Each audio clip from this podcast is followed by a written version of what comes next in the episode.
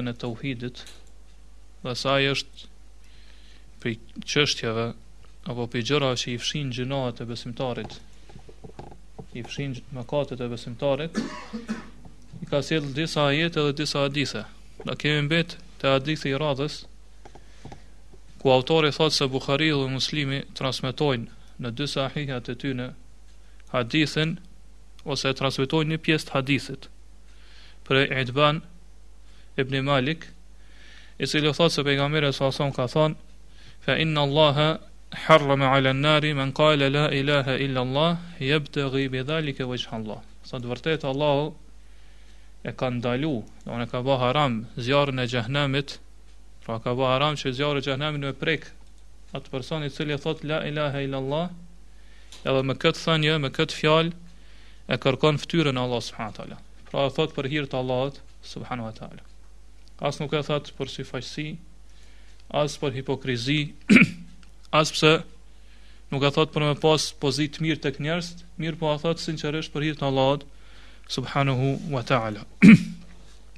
Kjo hadith, si thamë, është pjesë e hadithit gjatë, ku transmetohet se Itbani, ky shoku i pejgamberit alejhi selam, i cili ka qenë prej ensarëve, Ka qenë njeri i cili ka, ju ka falë njerëzve namazin, pra imam i lagjës tina. Edhe për shak të moshës, shikimi i tij ka fillu me ju dobsu. Kështu që nuk ka pas mundësi ma me dal edhe me jua falë namazin atyre. Edhe ka kërku prej pejgamberit sallallahu aleyhi vësallem, që me ardh n'shpinë e tina, mi falë dy reqate, s'bashku me të, edhe mu bo shpia tina si vend falje, që njerëzit pastaj me ardh mu falë n'shpinë e tina. Edhe pejgamberi alejhi selam ka ardhur me një grup prej sahabeve, prej tyre ndër ta ka qenë Ebu Bekri, Umeri dhe të tjerë. Edhe kur ka hyrë n'shpinë e tina, i ka thënë ejne turidu en usalli. Ku po ki qef mu fal unë. Edhe i ka tregu ka thënë falu n'këtë pjesë të shtëpisë.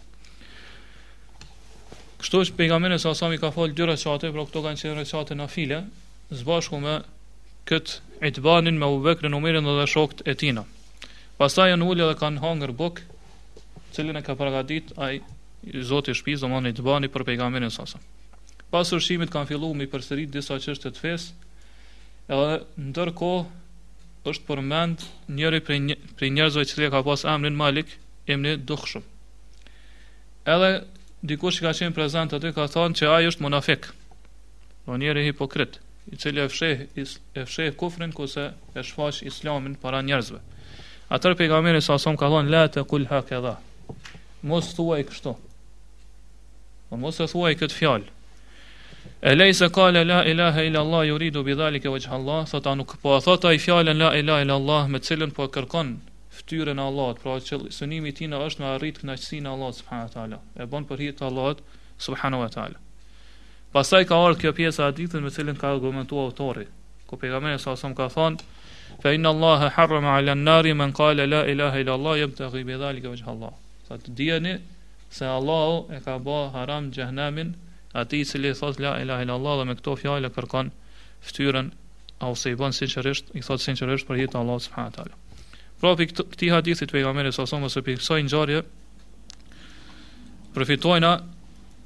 një dobi shumë të rëndësishme e cila do të thonë na bon dobi sidomos gjatë kohës s'sotshme ku shumë njerëz nuk e kanë problem mi thon tjetrit kafir apo pabesimtar apo munafik apo armik i Allahut e kështu me radh.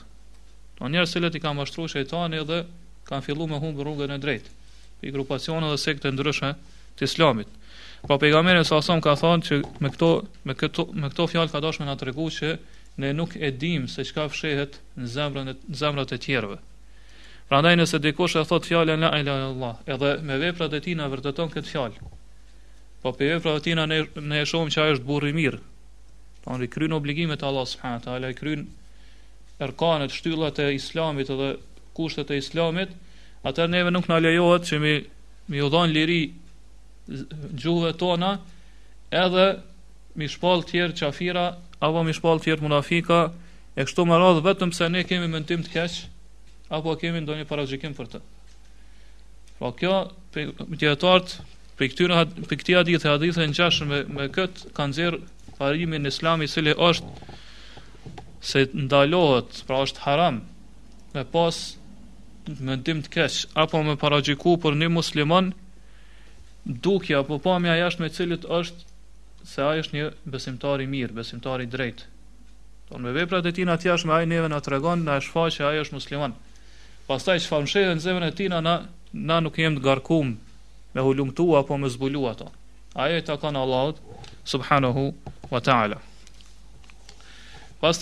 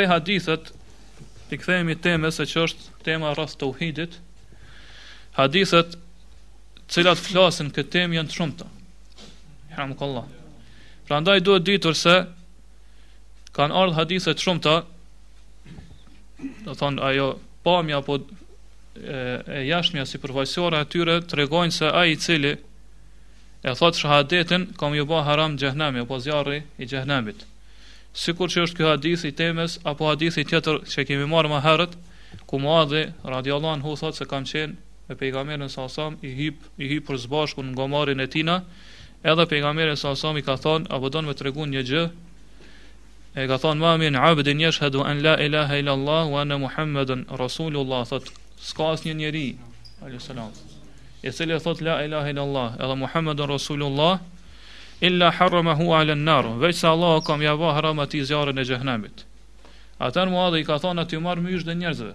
Mi u marr sihariq, mi përgzu, domethënë fjalë e madhe. Mirëpo pejgamberi alejhi selam ka thonë idhen jettekilu. Nëse ti ja tregon gjithkujt këtë fjalë, i cili nuk e kupton, domethënien e sajnë, apo çka kërkon kjo fjalë atëherë ai, mbështetet në këtë fjalë edhe i lënë veprat e mira, apo jepet pas gjunahëve dhe mëkateve, duke mendu se atij mjafton vetëm shprehja,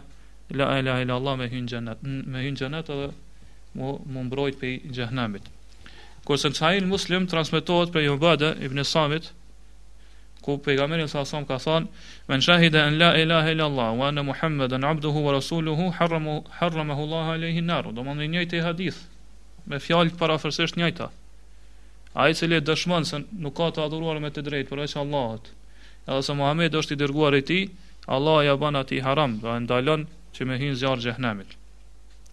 Kurse disa hadithe kanë ardh se ai i cili thot la ilaha illallah, pra i thot dy shahadetet, ai ka me hy në xhenet. Të parat ishin ose grupi i parë i haditheve është që e ka haram xhehenemin, kurse hadithet tjera është flasin që do të hyjë në xhenet, mirëpo nuk përmendet që ka m'ju bë haram xhehenemi. Prej këtyre haditheve është hadithi i Ebu Hurejrës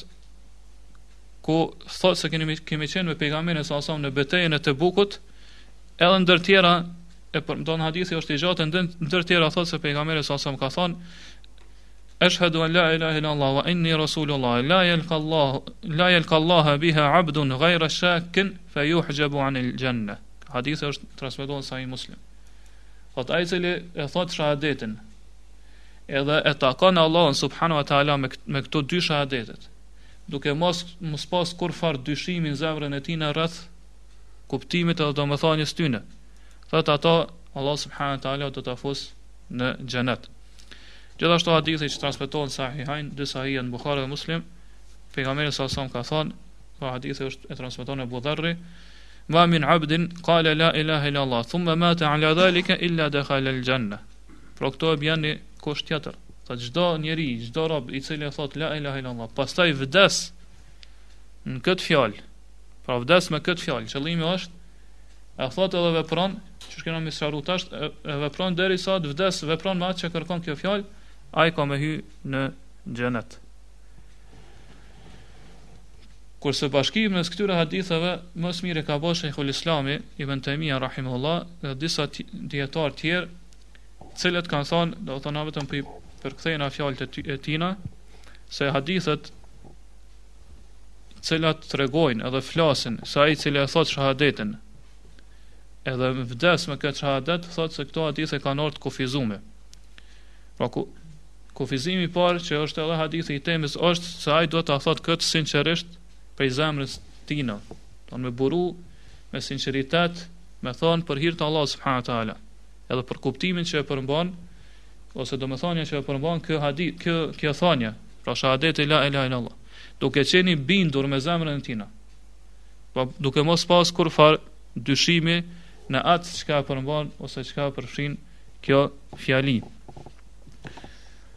Prandaj thonë se realiteti i tauhidit është po, ai nëse arrin me, me realizu tauhidin në zemrën e tina, po me njësimin e Allahut subhanehu teala me adhurim, atër thot kjo detyrimisht e tërhek, apo e ngreh zemrën e njeriut për te Allahu subhanehu ve teala. Pra e detyron që me shku edhe mi u bindë Allahut subhanehu ve teala. Prandaj ai që e thot këtë fjal, këtë fjali, Sinqerisht prej zemrës tina ka me hy në xhenet. Se se sinqeriteti është ai i cili e tërhjek zemrën e besimtarit edhe e çon deri te Allahu subhanahu wa taala. Pra e detyron që mu pendu prej gjynaheve, prej mëkateve me, me, me, me pendim sinqert. Prandaj nëse vdes këtë gjendje, atëherë ka me arrit atë që është përmend këto hadithe. Pra nëse vdes i penduar sinqerisht prej mëkateve tina,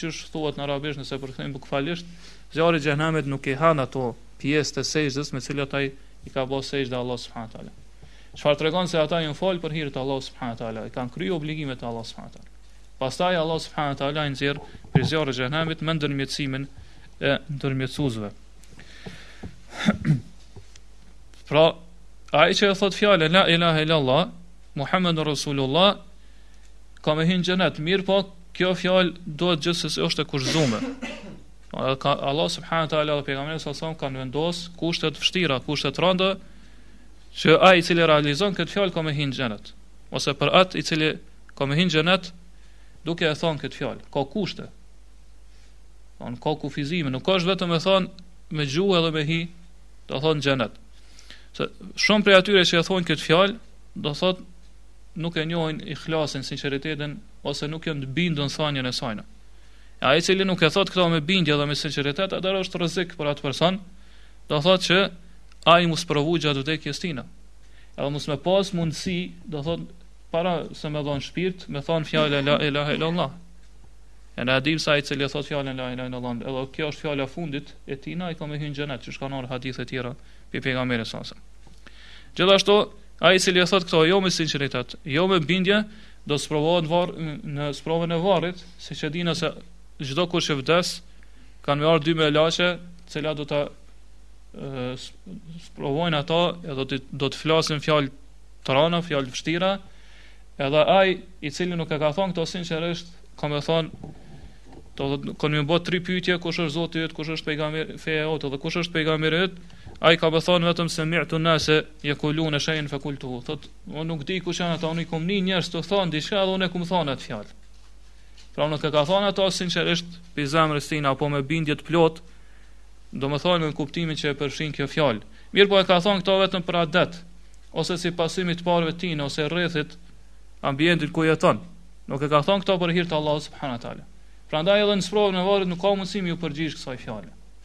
Prandaj shumë njerëz mendojnë thonë derisa na ka ardhur kjo informat neve, Që kena mu pyt për, këti, për këto tri pyjtje, atër shumë letë koka, na po bajna gjyna sa po mundum, gjatë jetës tonë, edhe na i dina përgjigjen gjatë kësaj jete, edhe e thonë, i, i përgjigjemi melaqeve të Allahut, shumë shlirë, do thot, pa kurrfarë problemi. Mirëpo, pejgamberi sa ka tregu se ai i cili nuk e thotë, këto me sinqeritet, apo me bindje të plot, ai nuk ka mundësi mu përgjigjë.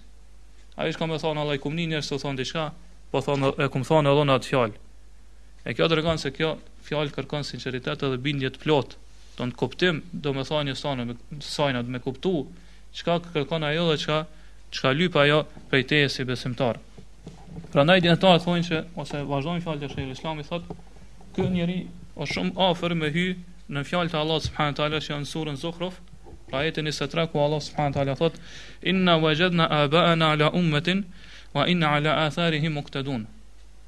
Pra mushrikët e Mekës, kur ju ka idhujtarët e Mekës kur ju ka bë davet, i ka thirr pejgamberi sa në Islam çka kanë thonë, na i kemi gjet baballarët e ton në fe, edhe na pi pasojna gjurmët e tyne.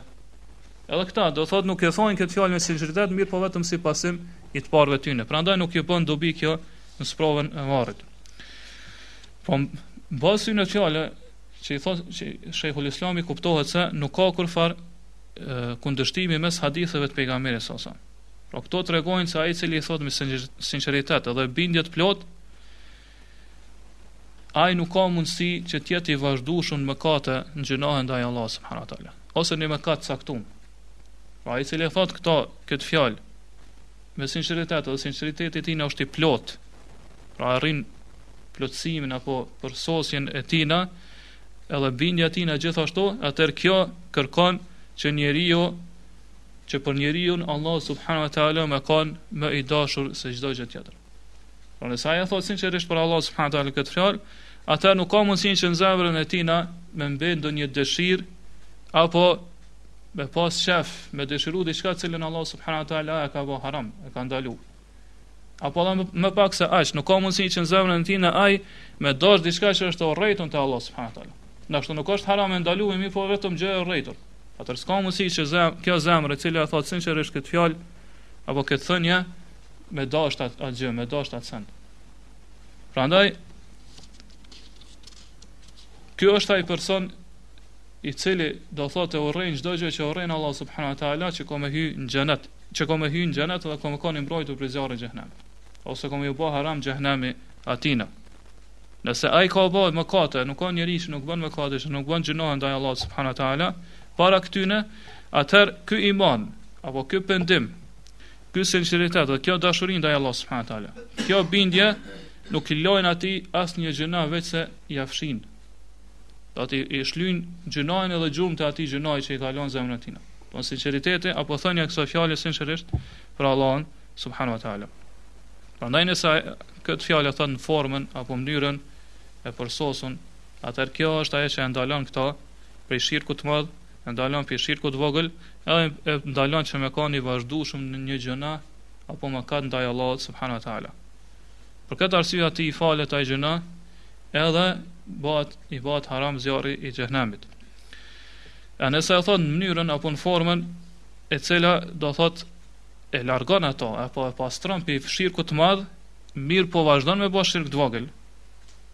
Apo vazhdon me bo gjynahe të mëdha, apo të jetë i vazhdueshëm në gjynahe, atëherë do thot ai ka vepru diçka, ka bo diçka që e kundërshton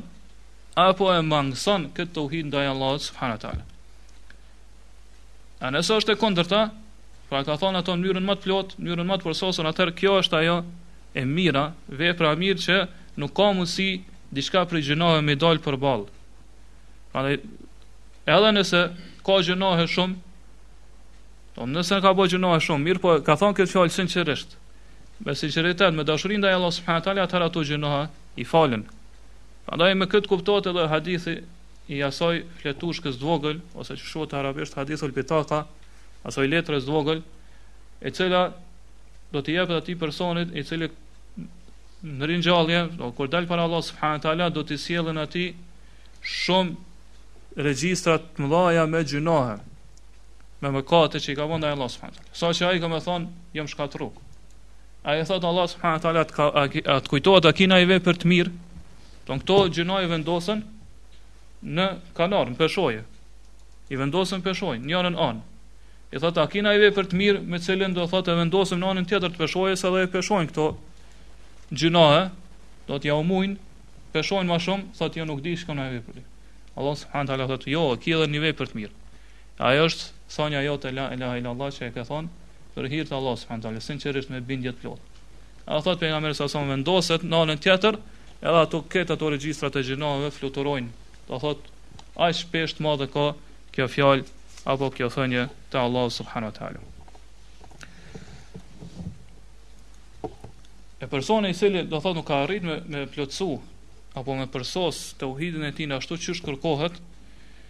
Atij ai bëhet haram zjarri i xhehenemit, mirëpo shkalla e tij në xhenet bie poshtë. Por ai cili ka ka arrit këtë shkallë ose këtë këtë grad të përsosshmërisë të teuhidit, do nuk ka arrit, nuk e ka arrit plot, shkallët e tij në xhenet fillojnë të bijnë poshtë, varësisht prej gjynave që i ka. Don sa më shumë gjyna, aq më aq më poshtë bjen n'xhenet. Sa më pak gjyna apo sa më shumë pendim prej gjynave, aq më shumë ngritesh në shkallët e xhenetit. Kurse kundërta është ai i cili gjynahet e tina ose mëkatet e tina ja mujn apo i peshojnë veprat e tina, apo vdes duke qenë i vazhdueshëm në një mëkat ndaj Allahut subhanahu wa taala. Atëherë ky është ai i cili meriton zjarrin e xhenemit. Nëse gjynahet e tina janë aq shumë Pra ai cili thot e thot fjalën la ilaha illallah, e thot këtë thënie. Edhe me kët do thot e pastron veten e tina prej shirku të madh. Mirëpo nuk ka vdek në këtë gjendje. Pra ai cili e thot fjalën la ilaha illallah, sinqerisht për Allah subhanahu wa taala, me bindje të plot, e pastron veten prej shirku të madh. Mirëpo nuk vdes n'këtë gjendje. Mirëpo pas asaj thënie vazhdon me bë gjynahe, me vazhdon me bë të këqija, aq shumë Sa që këto të këqija arrin, do thot pesh aq t'rand, sa që nëse peshohen në ditën e gjykimit, e, e peshojnë këtë fjalë la ilaha illallah. Pse?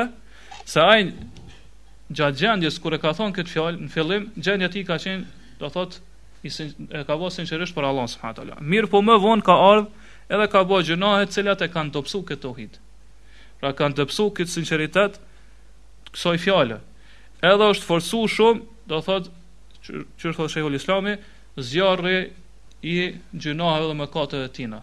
Sa që thot e kanë djeg krejt, e kanë djeg krejt vlerën apo peshën e kësaj fjale apo këti sinqeriteti ndaj Allahut subhanu wa ta'ala. Pra po, të mirat e tina në këtë rast nuk ka mundësi që mi peshu apo me, me ardhë ma rand se sa të këqijat e tina. Ai i cili është i vazhdueshëm në gjynahe apo në mëkate ndaj Allah subhanahu taala dhe nuk pendohet kurrë për tyne. A nëse është e kundërta, atëherë ai do thot nëse nuk është i vazhdueshëm në gjynahe edhe vazhdimisht pendohet te Allah subhanahu taala për mëkatet e tina, atëherë ky është ai person i cili do të hyjë në xhenetin e Allah subhanahu taala dhe do të jetë i mbrojtur prej zjarrit të xhenemit. Pra ai që është do çdo Kush i cili e thot këtë fjalë sinqerisht për Allahun subhanahu wa taala, asaj që duhet të frikësohet është që pas soj fjalë ose pas thënies sajna me ardhë me mëkate, me gjënahe, aq shumë të cilat ja dobsojnë imanin e tina. Për arsye se kur fillon mu dobsu imani yt, po për shkak gjënaheve të mdhaja, atër ti nuk ki mundësi me thonë këtë fjalë Apo me thon këto fjalë kët shahadet me sinqeritet plot për Allahun subhanahu teala. Apo me thon me bindje të plotë e cila ty të ndalon apo të mbron prej gjitha gjunaheve apo prej gjitha mëkateve. Prandaj rrezik, rreziku ekziston që ti me ra do thot ose në shirk të madh ose shirk të vogël. Nëse shirk të vogël, nëse do thot ruhesh apo shpëton prej shirkut të madh, atëherë pra mbesin gjinohet tjera, ose të mëdha ose gjinohet të vogla.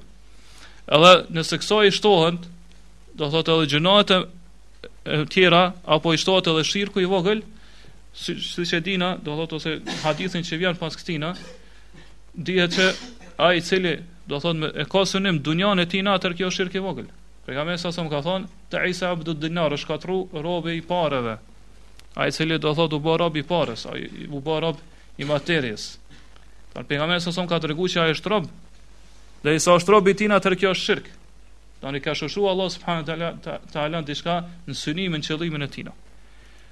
Prandaj ai i cili e bën kjo shirk të vogël, edhe edhe pse ka pshtu do thot pej shirkut të madh, atëherë ai nuk është edhe pse e ka thon fjalën la ilaha illallah dhe ka pshtu pej shirkut të madh, Ai nuk e meriton, do të thotë që me hy në xhenet dhe me shpëtu prej zjarrit të xhehenemit. Po në këtë formë kqijat e tina apo mëkatet e tina e dobësojnë imanin dhe bindjen e tina, edhe dobësojnë thënien e tina kur thot i thot këto fjalë pra shahadetin la ilaha illallah. Edhe kjo do thotë ndalon apo e pengon që sinqeriteti me depërtu në zemrën e tina. Prandaj ai i cili e thot këtë fjalë, vazhdon Sheikhul Islami thot, është sikur ai i cili e thot është në gjumë dhe thot këtë fjalë. A i bën dobi diçka kjo? Apo thot ai i cili e ka zonin e mirë dhe lexon Kur'an, mirë po nuk ndalet me meditu me mendu rreth kuptimit dhe domethënies të Kur'anit. Domethon ai e ka thonë vetëm me fjalën e tina, ai nuk ka depërtuar zemrën e tina, apo nuk i ka bërë dobi që ai do thot përmes kësajna me arrit bindje apo me arrit Atë besimin e plot në Allahun subhanahu wa taala. E ai i cili bën gjuna, e ka thonë këtë fjalë, mirëpo vazhdon me bo gjuna pas ksoj fjalë. Edhe pse ndoshta në fillim e ka thonë sinqerisht, atëherë këto gjuna e pengojnë apo e dobësojnë imanin e tina, edhe prej kësaj kuptohet se ai do thot nuk e thot këtë fjalë me bindje apo me sinqeritet, me drejtësi plot. E nëse vdesin Në këtë gjendje, atëherë këto të këqija të shumta që kanë grumbullu këtij personi, e ndalojnë që ai fillimisht me hy në xhenet. Përveç pra nëse don Allah subhanahu teala me ja falë gjynahet, atëherë ai është nën dëshirën e Allahut. Nëse don e fal e fut n'xhenet, a nëse don e ndëshkon që është e njohër prej besimit apo akides t'ehli sunetit. e nëse gjynahet apo mëkatet, do rëndohen aq shumë,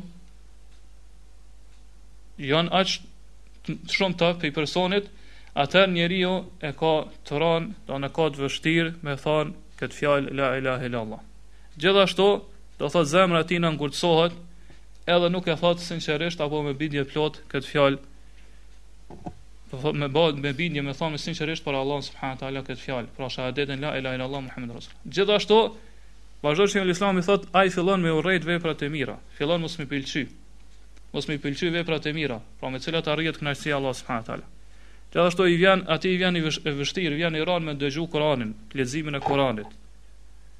Edhe do thotë gëzohet kur përmendet dikush tjetër përveç Allahut subhanahu teala. Zemra tina thotë qetësohet tek e kota. Edhe fillon me pas me me, me pas si të mirë apo si të bukur një gjë e cila është mëkat apo diçka e pamoralshme te Allahu subhanahu teala. Edhe thot fillon me pëlqy m'u përzi me njerëzit e gafletit, ata që janë pakujdesi, të cilët nuk janë pakujdes, pakujdesshëm ndaj Allahut subhanahu taala. A fillon me urrejt përzierjen apo shoqërimin me pasuesit e hakut, pasuesit e të vërtetës. Prandaj thot ai i cili e thot kët me me gjuhën e tina, ai e ka thon me gjuhën e tina, mirëpo jo me zemrën e tina. Ai person gjendja e cilit e cilit është kjo. Pra ai e ka thon me gojën e tina, mirëpo nuk e ka vërtetu me veprat e tina. Edhe e bjan fjalën e Hasan el-Basriut, i cili ka thon: "Laysa al-imanu bi tahalli wa la tamanni." Nuk është imani me thon, do thot veprat e mira m'i bo vetëm për mu mu mu, mu dok i mirë tek tjerët. Apo me me pas shpresa iluzione të kota. Thot, ve lakin ma vakara fil kulubi ve saddakathul amal. Imani i vërtetë është ai i cili është kalit në zemrën e besimtarit, është vendos rënjësisht, edhe veprat e vërtetojnë ato. Kjo është iman. Kjo është besim që ka kërku Allah subhanahu taala prej neve. Me me vërtetu ato që pretendojna që e kemi n'zemrat tona. Pastaj vazhdon thot fe man qale khairan wa amila khairan qubila minh.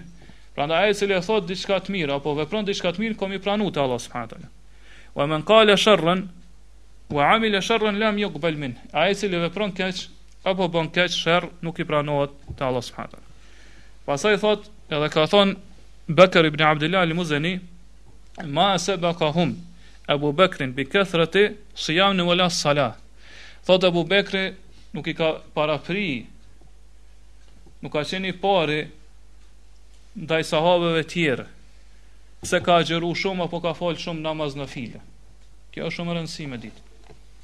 Domethanë Ebu Bekri nuk ka qenë ma i pari i këtij umeti, edhe që i pari do të hyn në xhenet, se ka u falë shumë, ma shumë se tjerët, apo ka, ka, ka agjëru ma shumë se tjerët. Mirëpo çka është ai kriteri kryesor pse Ebu Bekrin e ka vendosë të parin, e karvanit besimtarëve e që do të hyjë i pari në xhenet thot walakin bi shay'in waqara fi qalbihi mirëpo thot ai ka parapri atyne me një diçka që ka është vendosur në zemrën tina pra me atë iman me atë bindje të plot e cila është vendosur skalit në zemrën e tina edhe ai do thot kurrë nuk ka dyshu diçka rreth fesë t'Allahut subhanahu taala kjo është ajo që e ka bo Abu Bekrin me kon i pari jo veprat e shumta prandaj kjo është ajo që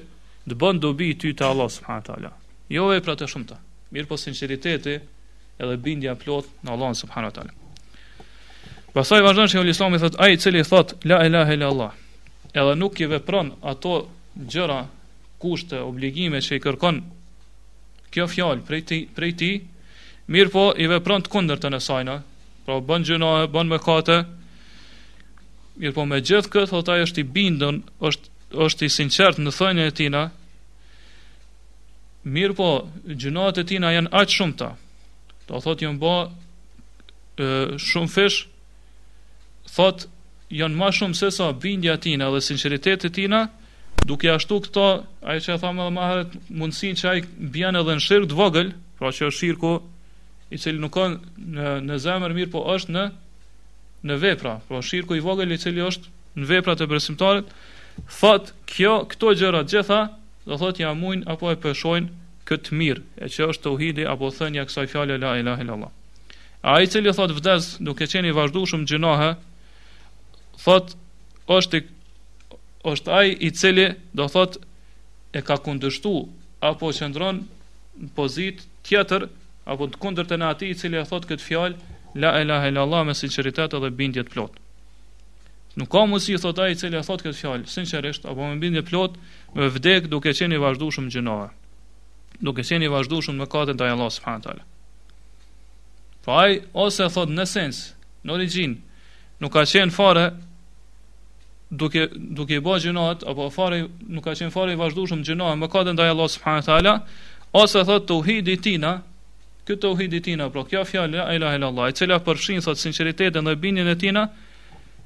e ka detyru këto, me bo vepra të mira, me bo, me bo punë të mira, të cilat pastaj e peshojnë më shumë, peshoren në vepra të mira, edhe thot bëhen shkak që ky, me, do thot me hi në xhenet edhe m'u rujt prej zjarrit t'xhehenemit.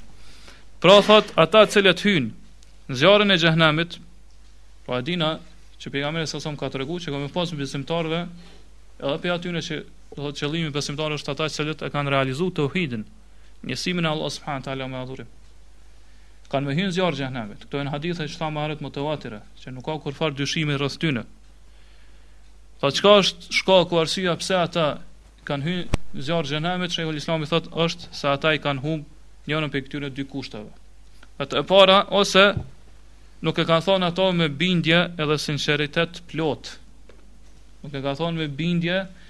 edhe sinqeritet të plot, të cilat pastaj do kjo bindje apo ky sinqeritet i plot e ka detyru këta që me i kundërshtu edhe mos me ra në gjynahe, mëkate ndaj Allahut subhanahu taala.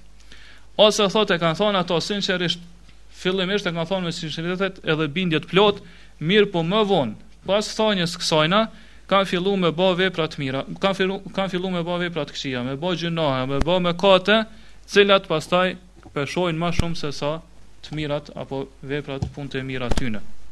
Sepse thot me këto gjynahe, ka fillu m'u dobsu ai sinqeritet, ajo bindje e plot në të cilën e ka pas fillimisht kur e kanë thonë këtë fjalë. Po është dobsu, vazhdimisht, duke bo gjynahe, ato vazhdimisht, ka, ajo sinqeritet apo ajo bindje ka fillu m'u dobsu.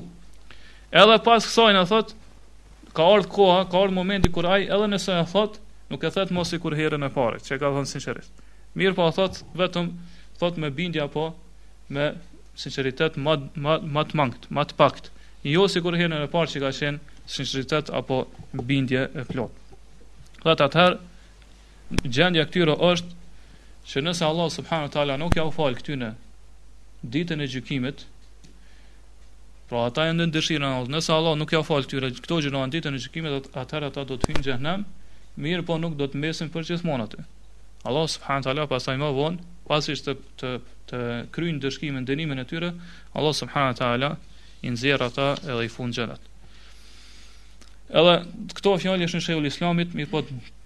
Përafërt apo ngjashëm me këto fjalë i ka thënë edhe Ibnul Kaimi, nxënësi i tijna, Ibnu Rexhebi, Lmundhiriu, Lkadhi Iadi dhe të tjerë prej dijetarëve të Ehlusunetit. Pra ajo çka përfitojna apo si përmbledhje, si rezume kësaj krejt sa që thamë është se fjala la ilaha illa Allah është shkak që njeriu me hyn xhenet edhe me shpëtu prej zjarrit të xhehenemit. Mirëpo jo vetëm kjo fjalë, me thonë si fjalë gjuhës, mirëpo mi kry edhe ato gjëra, ato obligime që i kërkon kjo fjalë.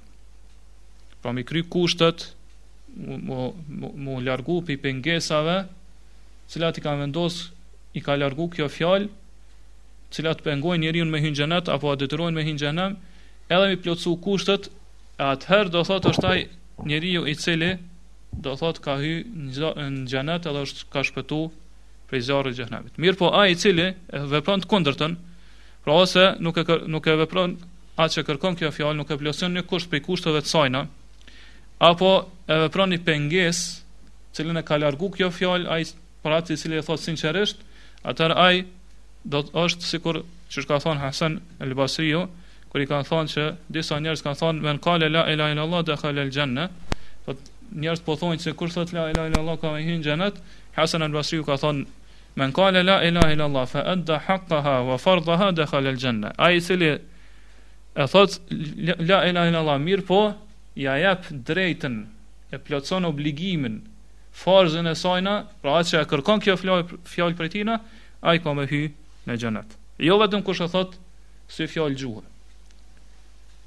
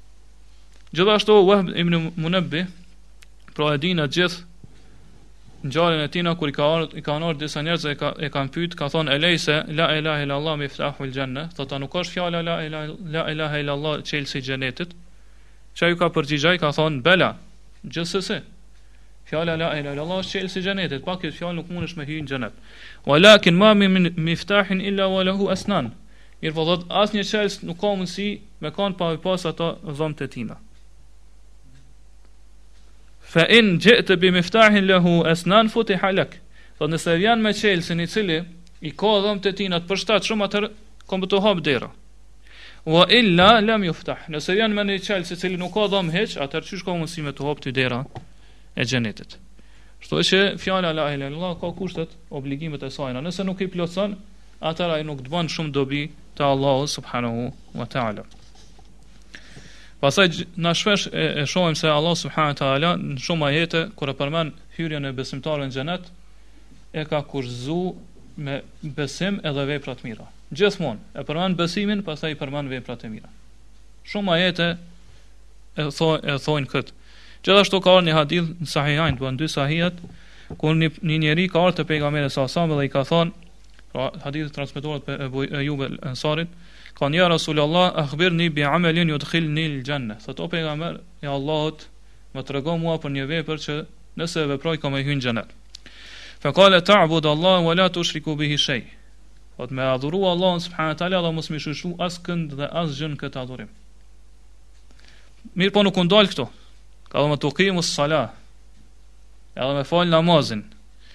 Wa tu'ti zaka, edhe me dhon zakatin, wa taslu rahim, edhe mi mbajt lidhjet farefisnore.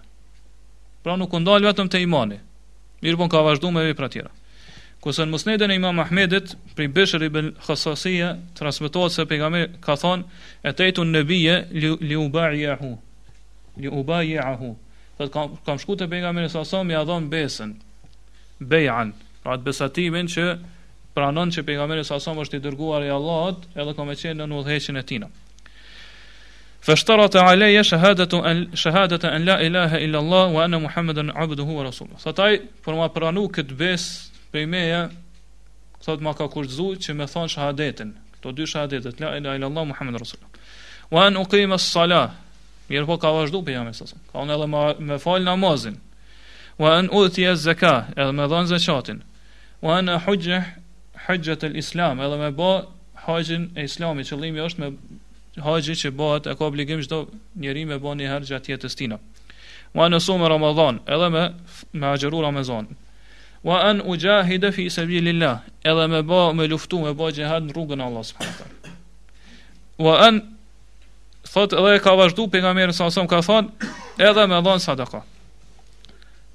Edhe me dhon sadaka. Edhe këtu pejgamberi sa sa nuk u ndal vetëm te te te fjala la ilaha illallah. Mirëpo ka vazhdu.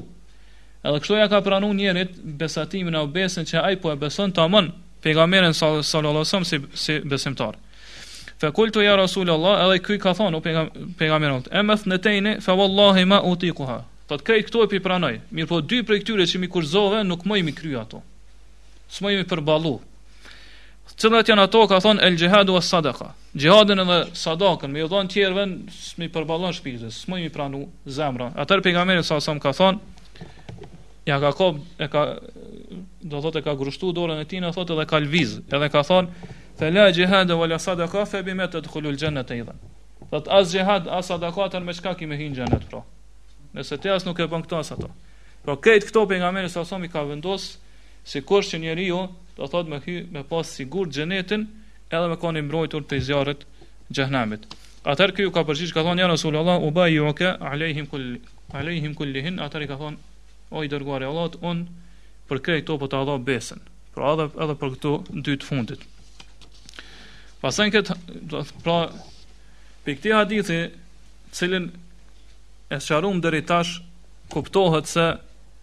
për me kon njeriu me arrit me hyn xhenet, me, mos, me, mos me prek zjarri i xhehnemit, dohet mi plotsu kushtet, obligimet, farzët që i kërkon kjo fjalë, pra thënja la ilaha illallah. Pastaj vet prej hadithit e nxjerrim ne kuptimin se pejgamberi sa sa në hadith tjetër ka thënë el hajju arafa. Haxhi është Arafat. Pra nëse qëndron në Arafat e ke kry haxhin.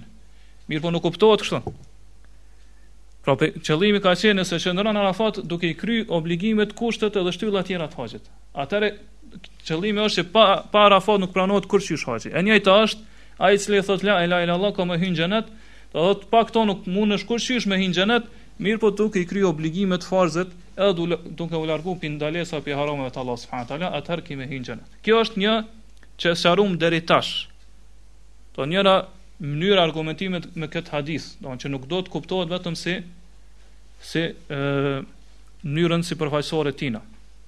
Kurse tjetra është që e përmend Sheh Uthemini rahimehullah Allahu e mëshiroft, është se në vet hadith do thot ka argument që njeriu duhet me vepru me këtë fjalë. E ai thot nuk ka nevojë me do thot për atë thënien e Zuhriut që e përmend në Sahih Muslim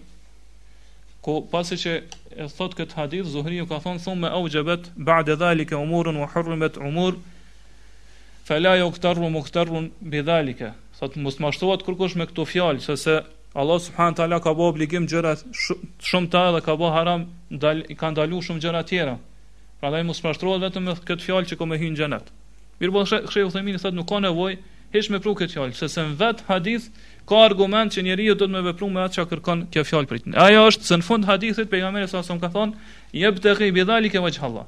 Me këtë fjalë thotë e kërkon fytyrën e Allahut. Thotë ai i cili kërkon diçka dëshiron me shku deri te dikush ai gjithsesi thotë dohet me ndjek rrugën për me shku te ai.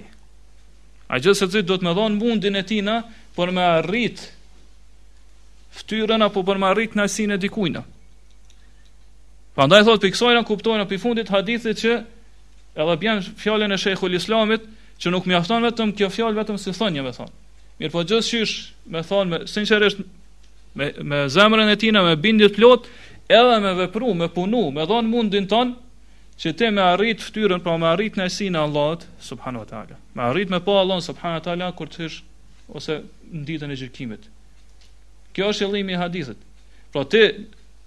Yabtaghi që ka ardhur në këtë hadith e kërkon, do thot pra qëllimi është që ai kërkon vazhdimisht me arrit deri te një synim, deri te një qëllim i tina. Pra ai ec drejt atij synimi, drejt atij qëllimi. Prandaj prej hadithit kuptohet që ai dohet me vepru, me punu që me arrit atë qëllim, me arrit atë synim. Për këtë shehul Islami thotë që ai i cili kërkon diçka, ai edhe i merr i ndjek rrugt mjetet për me arrit atë qëllim, atë synim. Ai që ka qëllim diçka, ai që ka synim diçka. Prandaj prej kësaj nuk kuptohet qysh e kanë kuptuar disa prej murxhiave, prandaj në këtë hadith ka argumentim kundër murxhiave. Ata që kanë thënë që veprat nuk hyjnë në besim hiç, mjafton njeriu vetëm me thon shahadetin me fjalë dhe me besu me zemër, edhe nëse nuk vepron kurr asnjë vepër, gjatë jetës ai ka me hy në xhenet. Ky hadith i kundërshton ata. Pra këto dy mënyra, këto dy forma që e shpjeguam deri tash. Gjithashtu i kundërshton edhe atë sektin apo grupacionin e kundërt të murxhive e që janë havarixht.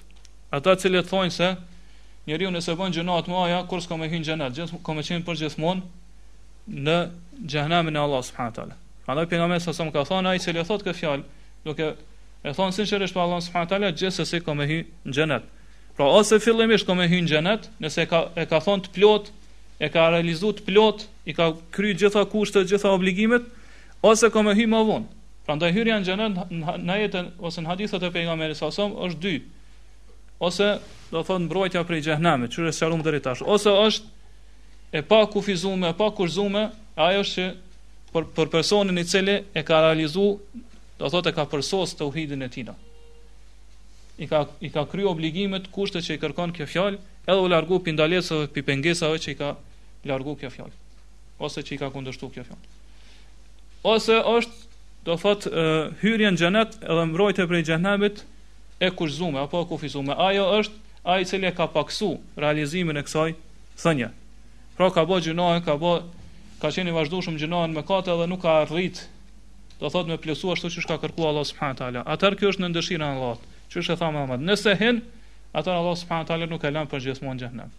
Prandaj ky hadith njëkohësisht është edhe kundërshtim ndaj havarixhëve. Gjithashtu me këtë hadith dalin edhe munafikat apo hipokritët e mëdhej, ata të cilët e thonë fjalën la ilaha illallah, mirëpo nuk e thonë sinqerisht me zemër apo me bindje në zemrën e tyre, mirëpo e thonë vetëm si thonje e gjuhës. Pastaj ka autori ka përmend edhe hadithe tjera, të cilat të tregojnë vlerën e tauhidit, pra përshtatshmëria e këtij hadithi me temën është e qartë, Ajo është se e tregon vlerën e madhe të tauhidit, pra ai i cili e thotë edhe realizon tauhidin ndaj Allahut subhanahu wa taala, i, i kryen obligimet, kushtet që i kër, që kërkohen prej tina, largohet prej harameve, prej ndalesave, ai si shpërblim prej Allahut subhanahu wa taala do ta ketë atë që e meriton, e që ia ka premtu Allahu subhanahu wa taala, e që është mos prekja e lëkurës edhe mishit tina prej zjarrit të xhehenemit. E lusim Allahun subhanahu teala që me qenë prej atyre, të cilët e realizojnë këtë fjalë ashtu siç ka kërkuar Allahu subhanahu teala prej neve. Allahu alem wa sallallahu ala nabina Muhammad wa ala alihi wa ashabihi wa sallam.